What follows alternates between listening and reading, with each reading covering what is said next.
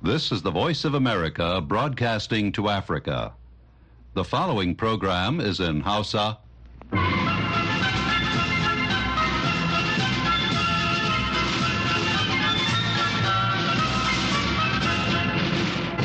Sashen Hausa na murya Amurka ke magana daga nan birnin Washington DC.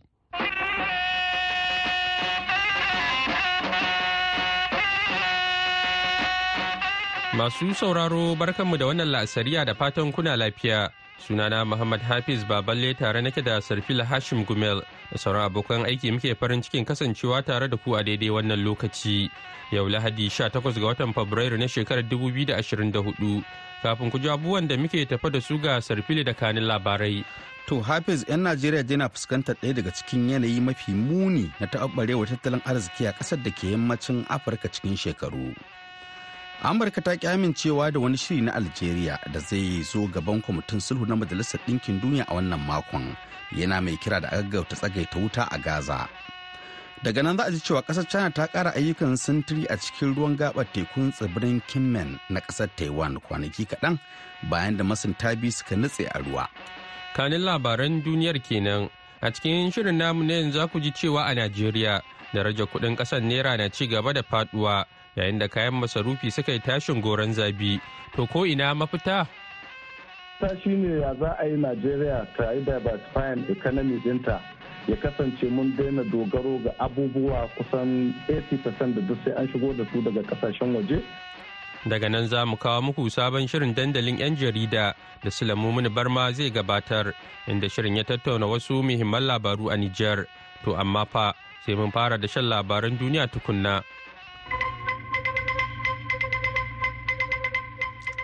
To jama'a salamu alaikum da fatan an yi na lafiya ga labaran duniya. 'Yan Najeriya da yana fuskantar ɗaya daga cikin yanayi mafi muni na taɓarewa tattalin arziki a ƙasar da ke yammacin Afirka cikin shekaru. Hakan ya samo asali ne sakamakon hauhawar farashin kayayyaki sakamakon manufofin kuɗi da suka sa darajar kuɗin ta faɗi idan a kwatanta ta da dala Amurka, lamarin da ya haifar da fushi da zanga-zanga a faɗin ƙasar. Alƙalamin gwamnati na baya-bayan nan da aka fitar a ranar alhamis sun nuna hauhawar farashin kayayyaki a watan janairu ya karu zuwa kashi 29.9 cikin 100 mafi girma tun shekarar 1996 galibinsu na abinci da abubuwan sha. A ranar Juma'a ta gabata ne kuɗin Najeriya Naira ta ƙara faɗuwa inda ake canjin dala Amurka ɗaya a kan Naira 1,524. Lamarin da ke nuna asarar da aka samu da kashi 230 cikin 100 a bara. Faduwar kuɗin na ƙara taɓarewar halin da ake ciki a yanzu. Wanda hakan ke ƙara durƙusar da kuɗaɗen shiga da kuɗaɗen da 'yan Najeriya ke samu. Amurka ta ki amincewa da wani shiri na algeria da zai zo gaban kwamitin sulhu na majalisar ɗinkin duniya a wannan makon. Yana mai kira da gaggauta tsagaita wuta a yaƙin da isra'ila ke yi a gaza a cewar jakadiyar amurka a majalisar ɗinkin duniya. Linda thomas grenfell ta faɗa a cikin wata sanarwa jiya asabar cewa amurka ta kwashe watanni tana aiki kan samar da maslaha mai ɗorewa kan rikicin gaza wanda zai ka zaman lafiya cikin gaggawa da ɗorewa a gaza na akalla makonni shida. Kuma daga ciki za su iya samun lokaci don gina matakan zaman lafiya mai ɗorewa. Ta ce shirin da Amurka ke aiki da shi ya haɗa da bayanai daga Isra'ila da Masar da sauransu, wanda zai ba da damar sake haɗa kan duk waɗanda aka yi garkuwa da su da iyalansu, da kuma ba da damar tsagaita wuta a faɗan, wanda zai ba da damar samun ƙarin abinci da ruwa da mai da magunguna da sauran muhimman abubuwa don miƙa su ga hannun fararen hulan Falasɗinawa da ke matuƙar buƙatar hakan. A ɗaya ɓangaren kuma, daga gobe litinin ne babbar kotun Majalisar Ɗinkin Duniya za ta gudanar da zaman sauraron sakamakon shari'ar mamayar da Isra'ila ta yi wa yankunan Falasɗinawa tun shekarar 1967, inda ake sa ran ƙasashe 52 da ba a taɓa ganin irin haka ba za su ba da shaida. Ƙasashe da suka da Amurka da Rasha da China za su yi jawabi ga alkalai a wani zama na farko na mako guda a fadar zaman lafiya da ke birnin hague cibiyar kotun duniya ta icj a cikin watan disamba shekarar 2022 majalisar ɗinkin duniya ta nemi kotun icj da ta ba da ra'ayi da shawara na shari'a da ke tasowa daga manufofin ayyukan isra'ila a yankin falasɗinawa da ta mamaye gami da gabashin Kudus. Duk da cewa duk da wani ra'ayi na ICJ ba zai kasance mai tasiri ba. Yana zuwa ne a daidai lokacin da ake ci gaba da matsin lamba na shari'a akan Isra'ila da wato da yaƙin Gaza, wanda mummunan harin Hamas na ranar bakwai ga watan Oktoba ya haifar. To nan ba da jimawa Sarfilu zai sake kawo mana ƙarshen labaran duniyar, amma kafin nan za mu buɗe taskar rahotanninmu. A Najeriya, darajar kuɗin ƙasar Naira na ci gaba da faɗuwa yayin da kayan masarufi ke ci gaba da tashin goron zabi. Yan Najeriya dai na ci gaba da kokawa kan tsadar rayuwa da suke fuskanta, duk da irin matakan da gwamnatin ƙasar ke ɗauka domin samun sauƙin rayuwa ga 'yan ƙasar.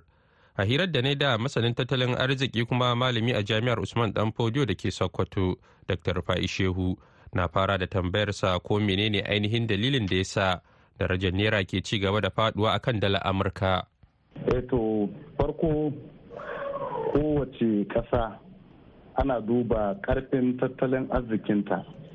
Wannan ƙarfin tattalin arzikin wannan ƙasar yana da tasiri ga darajar kuɗin wannan ƙasar. Kamar kuma yadda abin ya kasance wa najeriya tattalin arzikin najeriya ba shi da ƙarfi sosai wanda ya kasance mafi yawan abubuwan da ake buƙata na yau da kullun da ake mu'amala da su kama kayayyakin da ake using wajen consumption directly by consumers da kuma abubuwan da kamfanunnuka ko masana'antu suke amfani da su wajen sarrafa waɗansu abubuwa ana shigowa da su ne daga ƙasashen waje. Saboda haka ya sa yawan buƙatar da ake da ita na kuɗin ƙasar waje particularly ita american dollar ya rinjaye buƙatar da ake da shi na naira. Naira ba ta da ƙarfi sosai saboda ba wasu abubuwa da ake buƙata waɗanda za a saya daga najeriya a fita da su waje. Amma najeriya tana da buƙatar dala ƙwarai da gaske. Shi ya sanya ake amfani da wannan aspect na demand and supply. So ya kasance mafi yawa buƙatar naira ya yi ƙasa buƙatar dala ya yi sama. Shi yana cikin dalilan da suka sa darajar naira ta faɗi dala ta tashi. To dakta ko ina mafita? Mafita shine ya za a yi najeriya ta yi diversifying economy ɗinta ya kasance mun daina dogaro ga abubuwa kusan 80% da duk sai an shigo da su daga ƙasashen waje. Ya kasance a nan cikin gida abubuwan da suke da muke da buƙata da su wanda dole economy dinmu na bukatan su ya zama an samar da su. Idan aka samar da su zai rage mana buƙatar neman dala. Sannan kuma idan muka yi diversifying economy dinmu daga cewa kawai sai dai hanyar sayar da crude oil ne za mu iya samun dala america filan through mineral resources da kuma a yi improving agricultural sector inda su wato ɓangaren noma kenan. ana exporting ɓangaren noma ana da ba a kai da ba spire economy Nigeria zai yi wato kamar a canja akalar wato tattalin arzikin ƙasar kenan zuwa wani fanni daban kenan. tattalin arzikin ƙasar. Yawa a dada wasu fannunnuka kamar wanda na ba da misalan su zai sa hanyar da za a iya samun kuɗin shiga su shigo Najeriya ya kasance an rage tsananin buƙatar dala a Najeriya fiye da yadda ya kamata. To, dakta ta ya za a magance wannan hauhawar farashi wanda a tarihi shi ma ake ganin kamar ba a taba ganin irinsa a Najeriya ba? To, shi kan shi hauhawar farashin in ka duba farko akwai ɗan stability lokacin da Tinubu ya karɓi mulki. Amma kuma sai aka zo aka ƙarawa man fetur kuɗi. karawa man fetur kuɗi kaga shi kan shi man fetur wani abu ne wanda ya zama kamar abin da ake ce fakta na production kusan kowace masana'anta ko ina ne transportation ne production ne manufacturing menene suna amfani da man fetur wannan kara mai kuɗin ya kawo higher rate of inflation to ya za a yi gwamnati ta samu damar da za ta iya kawo daidaito.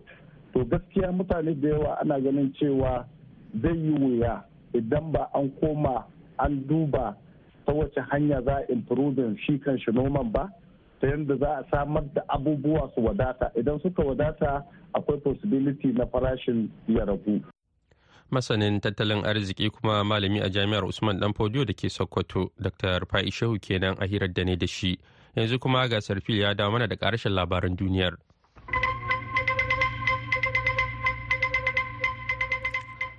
Ukraine ta kaɓo jirage marasa matuƙa guda goma sha biyu da suka da shahid da wani jirgin yaƙi ƙira su-34 da kuma makamin mai linzami ƙira kh-59 da safiyar yau lahadi a cewar rundunar sojin sama. An harbo jirgin ne a gabashin ukraine yayin da aka harbo jirage marasa matuƙa da makamin mai linzami a yankunan chernihiv da sumi da faltaba da kirohavad da kuma da nifro. Har ila yau a lahadin rundunar sojin sama ta ce rasha ta yi asarar dakaru 402,430 a ukraine tun bayan barkewar rikici a watan fabrairun 2022 a ranar asabar shugaban ƙasar ukraine vladimir zelensky a wata tattaunawa ta wayar tarho da shugaban amurka joe biden ya bayyana fatansa na cewa majalisar dokokin amurka za ta yanke shawara mai kyau wajen amincewa da wani babban shirin ba da taimako ga ukraine Ƙasar China na ƙara yin sintiri a cikin ruwa a gabar tekun tsibirin Kinmen na ta ƙasar Taiwan. Kwanaki kaɗan bayan da masunta biyu suka nutse a ruwa yayin da jami'an tsaron gabar tekun Taiwan suka fatattake su, waɗanda suka zargi jirgin su yayi kutse.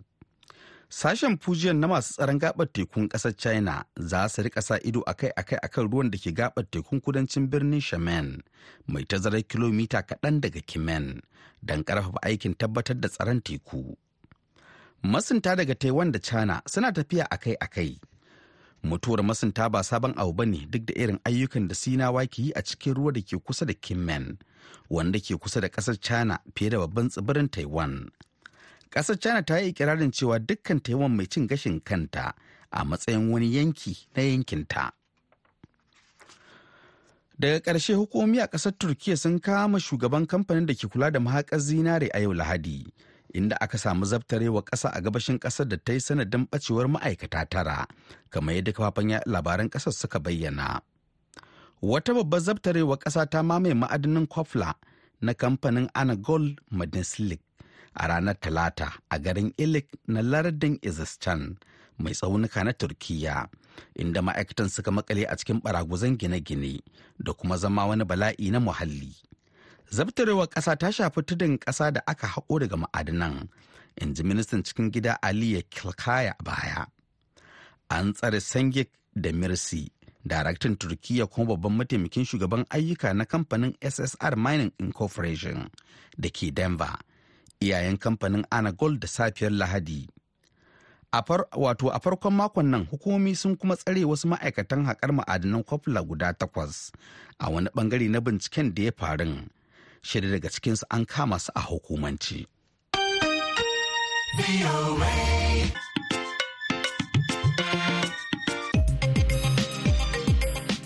Labaran duniya kuka saurara daga nan sashen Hausa na murya Amurka a birnin Washington DC.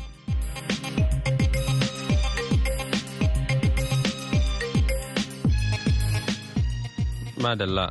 Wannan shirin na zuwa muku ne daga nan sashen Hausa na murya Amurka akan mitoci 1625 da kuma 31 a jamhuriyar Nijar kuma za a iya samun tashar ta BOA Africa akan mita 200.5 zangon FM ha kuma ko da yaushe ake so za a iya zuwa shafukanmu na intanet a boahausa.com ko kuma sashen hausa.com domin samun labarai da dumudumin su yanzu kuma ga shirinmu na gaba. Ko cin mutum ba shi sauyin ɗan jarida ɗan uwa na ɗan jarida ba gudu ba ja da baya. To masu sauraro barkamu da sake haɗuwa a shirin dandalin 'yan jarida wanda ke zama wani lokacin da 'yan jarida ke fashin baki akan mahimman abubuwan da suka wakana a tsawon mako. Saboda haka a shirin na yau za mu nazarci batutuwan da suka hada da hirar da shugaban majalisar CNSP Janar Abdurrahman Chani ya yi da 'yan jaridar kafafen gwamnati. Sannan za mu dubi tafiyar tsohon shugaban Nijar Muhammadu Isu zuwa Addis Ababa inda aka gudanar da taron ƙungiyar AU. Za kuma mu karkare da ziyarar jami'an bankin duniya a wani yunkurin duba hanyoyin farfado da ayyukan bankin. Watanni kusan bakwai bayan da soja suka kifar da gwamnatin demokuraɗiyya a nijar. Sunana suleiman muni barma ina tare da hassan sale mustapha daraktan sashen labarai a talabijin labari da editan jaridar litan zubairu sule. To malamai barka ku da zuwa. Za mu soma ne da jawabin shugaban majalisar cnsp janar abdulrahman chani. Ya taɓo batutuwa da dama kuma da alama hirar nan ta ɗauki hankalin jama'a sosai. Shin me ya ɗauka hankalinka hassan a cikin bayanan da cani ya zo da su? Na farko shine hutan niger da sauran ƙasashen ƙungiyar IOS da ake cewa Mali da Burkina suka fita daga cikin ƙungiyar ECOWAS. Kuma shi shugaban kasa ne a cikin jawabin shi ya kuma bisa kan dalilin duka da suka sa ƙasashen ƙasar Nijar musamman ma da sauran ƙasashen Mali da Burkina Faso da suka ɗauki wannan niyya. Akwai ma rashin adalci da ya ce amma Nijar. Abin da sa aka kirkiro ta ƙungiyar dan da kyautata rayuwar al'umma yankin ecowas ƙasashen da faru goma sha biyar sha shida daga ba mu ritaya ta yanzu kuma wannan uku sun wuta. To sai aka kasance an sake akalar tahiyar.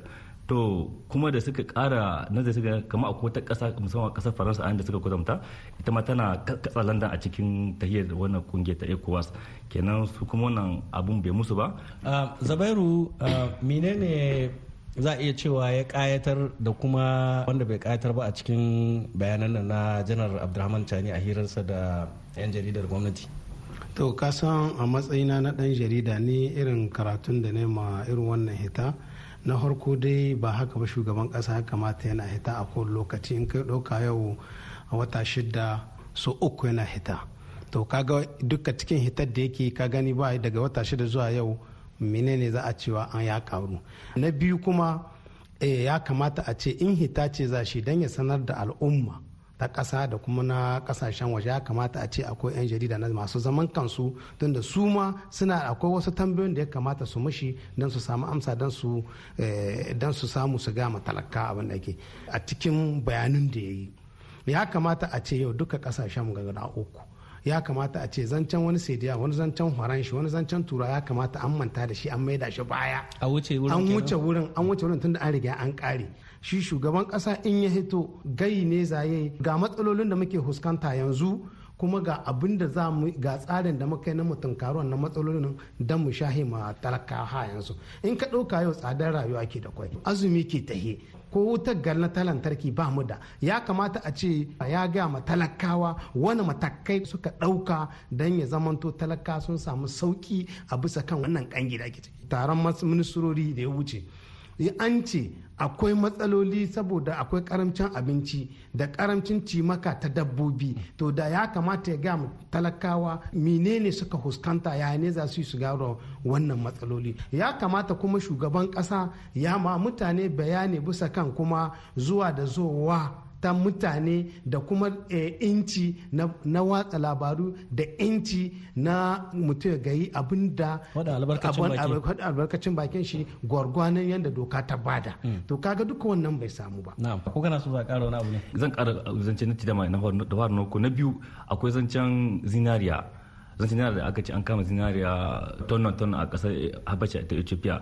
Kun san shi ma an yi ta cece kuce bisa kan yanar gizo-gizo ya wadatar da sosiyo to a lokacin yan nijar suna nema a kawo musu haske cikin wani abun wannan zina da tawace ce. Amsa ce suke so yan nijar su ji an ba da bayani sai shi shugaban kasa to kuma ya wata maganganun can da yan kasa ba su gamsu da wani magana kamar suna ganin kamar akwai lauje cikin cikin nadi wato da alama dai kamar ma ya kwatanta labarin karra kamzan kurege ne. Yawwa musamman ma kamar iya kwatanta wasu wanda suke bayan shi wanga gwamnati da aka juye kamar irin sun suke dan irin maganganun don su sa kasa a cikin tahiyar CNSP ta Nijar. To da muka ji ra'ayoyin mutane al'umman jihar gaskiya ba su gamsu ba da wannan bayanin da ya ba da. Har zai akwai ayatan baya ba su wannan ita wani ziyarar da take zabairu kai ka gamsu da bayanan da kashi daga shi shugaban majalisar cnsp kan wannan magana ta zinariya ton guda da kilogram 500 da ake maganar cewa ta Nijar ce aka kama a ƙasar Habasha. Kasan ni ban maso ba aka ce an aza mashi wannan tambaya. Saboda ministan tsaro ministan na shari'a na rakoki sun magana bisa kan wannan zancen. Kuma bisa kan abin da suka gayi kaga aka mashi irin wannan tambaya za ka gani akwai bambancin abin da amsar da aka ba da. Kaga kenan wannan abin ga. Shi yasa nike cewa nike jan hankalin su yan jarida masu mashi irin wannan abin. Su su yan jarida sun san menene illan magana ta shugaba. Ya kamata a ce wasu tambayoyi ko wata magana da yanzu muna cikin ios akwai wata tambaya da wanda wadda aka mishi. Shugaban kasa burkina ya magana prime minister na mali ya magana amma sai aka ji akwai bambancin ra'ayi kaɗan. Kenan kamata a kiyaye. don saboda ka a kawo bambancin ra'ayi tsakaninmu da su. To ku bari mu je hutu mu sake dawa. Sanyi mazara da ra'aniya ba su safashin jarida su kuki rukuki jomar ba su taɗe ɗan jarida. To madalla mu da sake dawowa. A madu'i na biyu da za mu zanta a kansa a shirin na yau shine tafiyar da tsohon shugaban kasa isu muhammadu ya yi zuwa ƙasar habasha ko kuma birnin addis ababa inda a gudanar da taron ƙungiyar au kuma batun nan sosai ya kawo cece kuce a nan cikin gida nishar kasancewar ita ce fita ta farko da muhammadu isu ke yi zuwa wata ƙasar waje tun bayan juyin mulkin da aka yi wa gwamnatin muhammad bazum asan kai ya kake kallon wannan fita ta muhammadu isu? Ai shine shugaban ko kuma zakara ake cewa ko a turanci ana cewa champion na ita wannan zale kafin ai ta da dan ya tahi ya gabatar da shugabannin ƙasashen union african report da yi na shekara ta 2023 kuma a tattauna tsakanin su shugabannin ƙasashen kuma a samu sabbin ƙa'idodi na aikin da za a yi na shekara ta 2024 abin da kawai yan su gane da aka kure ta aishi tsohon shugaban kasa Muhammadu Isu har yanzu babu wata takarda ta kuma da take biye da shi ko kuma a ce an hana shi huta an hana shi ta hana shi babu wani zargi da ake mishi a turmance. Shari'a bata bata tuntume shi ba balle ma a ce zo ko ka bayani bisa kan shekaru goma da iya shugabanci. Kenan kamar sauran 'yan kasa shi ma iya da incin ya tahi ya zo a yanzu a yanda ake ta yanzu tana mu da yanzu a matsayin aikinmu na yan jarida yanzu ba mu je ba an ce ko ga wata kotu ta kasa tana ta ta miƙa takarda yabo wanga gare ta ya zo ya kawo ya kawo ƙarin bayani bisa kan shugabanci da yi. Kenan wannan bai kamata a yan kasa suna cece kuce ba a matsayin na kasa ya ta yi kamar ni ma ina ta in harkokina shi ma sai ta har da kotu ta tuntube shi ya zo ya kawo bayani bisa kan shekaru goma da iya iya shugabancin ƙasar Nijar. Ba kamata a ce an cece kuce bisa na ta Zabairu me yasa wannan tafiya ta Muhammadu Yusuf ta ɗauki hankali sosai a nan cikin gida aka yi ta cece kuce wasu na mamakin ya aka yi ya fita wasu kuma na gana a yau ai ba wata matsala. To ai ka san wannan 'yan siyasa ne ke wannan zance. Tunda in ba zancen siyasa ba yau cikin in ka cika kan kungiyoyi wanda suka na farti ba shi kaɗai ba ne wanda ba cikin ƙasa ya hita. To don shi za? Inda yau a ce yau akwai wata koti ta ɗauki maganar shi. Take tuhuma shi da wani abu. Wannan ne in za ta sai ya tambaya. To kenan wa gati duk cece ku ce duk cacar baki ce mutane ke yi na banza da wuri. Ka gani duk kakin wannan an ce ba laha ya yi deman da an hana shi. An ce an kai an kai takardun shi wurin kotun koli. Duka wannan ka gani yau ya tabbata karya ne mutane ke yi. To kenan ka gani kuma tahiyar tashi tana da mahimmanci saboda takarda ce aka a cikin lokacin da muke inda Niger an maida ta kawo saniyar ware inda duk taro na duniya wanda ake yi wani bi ana hana Niger ta. Yau an ce shi takarda aka aiko mashi kuma aka aiko mashi jirgi na musamman ya gayyata ya te da shi kenan sai mu alfahari da abin da za illa ma sai ya manto ma wannan ta tashi ta zama kasa alheri cikin kangin da muke. Wannan takunkumi da aka samu ya Allah kakin azumi ya zama to duka an warware mu waɗanda ke ta damuwa kan fitar nan ta sauna ganin kamar hujja ce da ke nuna akwai babbar alaka tsakaninsa da sojojin da suka yi mulki. Wanda ya zama shugaban kasa shekara goma duk wani ma'aikacin gwamnati ya zama to soji ne ya zama to ma'aikacin gwamnati ne ya yi zama ya yi mulki ya ai dole a samu alaka tare da shi. Yanzu ka diba ko harkar zinare daga sono ana so a sha mashi kashin kaji a ce zinare yawa kan maganar zinariyar nan hassan wasu ma na kwatanta kamar yayin da ake cewa ya tafi ne da sunan taron zalikaf wasu kuma gani suke a zinariyar nan da aka kama ta nishar ton guda da kilogram 500 ita ce ya je wataƙila ya diba hanyoyin da za a amso ta. To malam ka san shi ana ba hana adam ya faɗi albarkacin bakin shi. Mu matsayin mu na yan jaridu in kana magana wani lokaci ka riga aiki yadda yan sarfi sun lefe Elezak. irin abubuwan da ke wakana na zahiri. Yauwa yanzu ba mu iya tabbatar cewa a ya ta ne da mun yi magana da wannan abu tun da shi shugaban kasa in kana tunan ciyani da hoto mun da zu ya ma kwatanta cewa zancen kun zancen matan amare ne kun ake babu wata tabbacin magana. Kenan mu muka to muka kamar jaddada abin da yan gari suke faɗi suke kenan kamar ma mun bi mun bi ra'ayinsu ne. Mu kuma yan jarida a ka riƙa aiki bisa kan ga abin da ka gani tabbatar da kake da tabbacin bisa shi wani abu mun ga takarar aiko mai takarar gayyata ya tahi a sunan Niger. Kenan kamar da zabere huɗu ne kamar wannan iya ƙarfafa mahimmanci Nijar a wannan lokacin da muke ciki. Zabairu harkar zinariyar nan da ake danganta fitar nan ta Muhammadu Isu zuwa Habasha cewa duk wanda kaga suna labarin na zinariya ka taɓa gani wani ya kawo maka hujja ko hotonta wani ba da. Wani bai kai ko takarda ba wanda ya ƙwallo maka ta ga takardar ta sa an kama zinare balle a ga maka ko tawace kawai zance ne mutane ke yi. Gwamnati ya ce ya sa a yi bincike su bari abin da bincike ya gai a aiki da shi. Takarda an gwade ofisal man ga abin da ya sa ya kuma kowa ya san shine aka ba shi aiki tun shekara 2020 wanda suke wannan zancen. In dai zancen da suke da ake cewa zancen kasa ne wannan suna ana murna an hita daga siriyawo kenan yau babban alfahari ne ga dan nijar za mu sake zuwa mu huta daga bisani mu kuma sake dawa domin ci gaban wannan shiri. A kada a raya suna a nan babu bambaya jarida.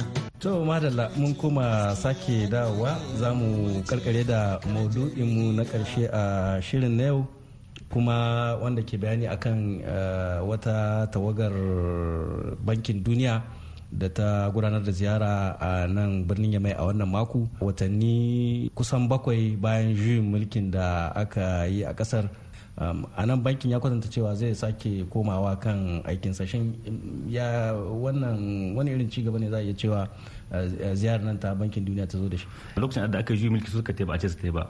Yanzu aka kare ta tana ta suka gana muhimmancin ya kamata su komo su ci gaba da aikin da suke yanzu suka komo. Kenan iya nuna cewa Nijar tana kara samun karbuwa a ƙasashe na duniya gaba ɗaya a zabairu da wannan ta bankin duniya akwai wani sauyi da za ta iya kawa na iya ci gaba ne? To ka san ita bankin duniya duk ƙarshen shekara ko harkon shekara tana ziyarcen ƙasashe saboda ta yi raskuna bisa kan abin da ta ba da ya aka yi da shi ina aka sa shi kuma kasa shekara mai zuwa kuma ya ne za ta ya za ta na biyu kuma ka san ƙasashen guda ga uku ga da suka yi suna shirye-shiryen ta su ce za su kuɗi kirkira kuɗi na kansu a wannan jita-jita.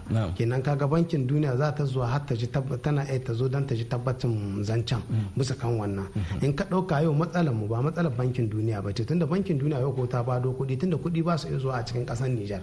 Saboda an rufe harkar bunkunya imuwa tarihi kenan nan ne matsalar mu. Ya kamata a ce bankin duniya kakin ta zo nijar ya kamata a ce kuma ta samu ta gani imuwa ta shirya imuwa da nijar. Ya ne kamata wannan hukunci da aka yi na ka bisa kansan hada-hada ta kuɗi ya kamata a ce an kwance shi. Sannan ne ake iya gane me nijar take yi kuma wata manuwa ce da bankin duniya ta kuma ina ne za a tafiya. damina da ruwa da iska bai hannun aikin jarida. To iyakacin abubuwan da suka sauwaka a shirin dandalin 'yan jarida na wannan makon kenan. A madadin bakinmu na yau Zabairu Sule daga jaridar Litan da Hassan Sale Mustapha na talabijin labari. Ni Sule Mummuni Barma da duka abokan aiki na sashen Hausa ke ce da ku sai wani shikon. A gaida Sule yanzu kuma ga labaran duniya a taƙaice. To a takaicen an ji cewa 'yan Najeriya da yana fuskantar ɗaya daga cikin yanayi mafi muni ta ɓarewa tattalin arziki a ƙasar da ke yammacin Afirka cikin shekaru. Hakan ya samo asali ne sakamakon hawa farashin kayayyaki sakamakon manufofi na kuɗi da suka sa darajar kuɗin ƙasar ta faɗi da aka kwatanta da dala Amurka. Lamarin da ya haifar da fushi da zanga-zanga a faɗin ƙasar. Alƙalamin gwamnati na baya-bayan nan da aka fitar a ranar alhamis sun nuna hawa farashin kayayyakin a watan janairu ya ƙara da kashi 29.9 cikin 100 mafi girma tun shekarar 1996 galibin abinci da abubuwan sha. To masu sauraro da kuma haka muka kawo ƙarshen shirin na yanzu sai kuma an jima da daddare za mu sake dawo da wani sabon shirin idan Allah ya yarda. yanzu kan a madadin sarfila hashim gumal da ya karanto labarai sai kuma fiona wa mayi da ta ba da umarni da ma injiniyan mu na yanzu justin ni muhammad hafiz baballaki sallama da ku daga nan sashen hausa na murya amurka a birnin washington dc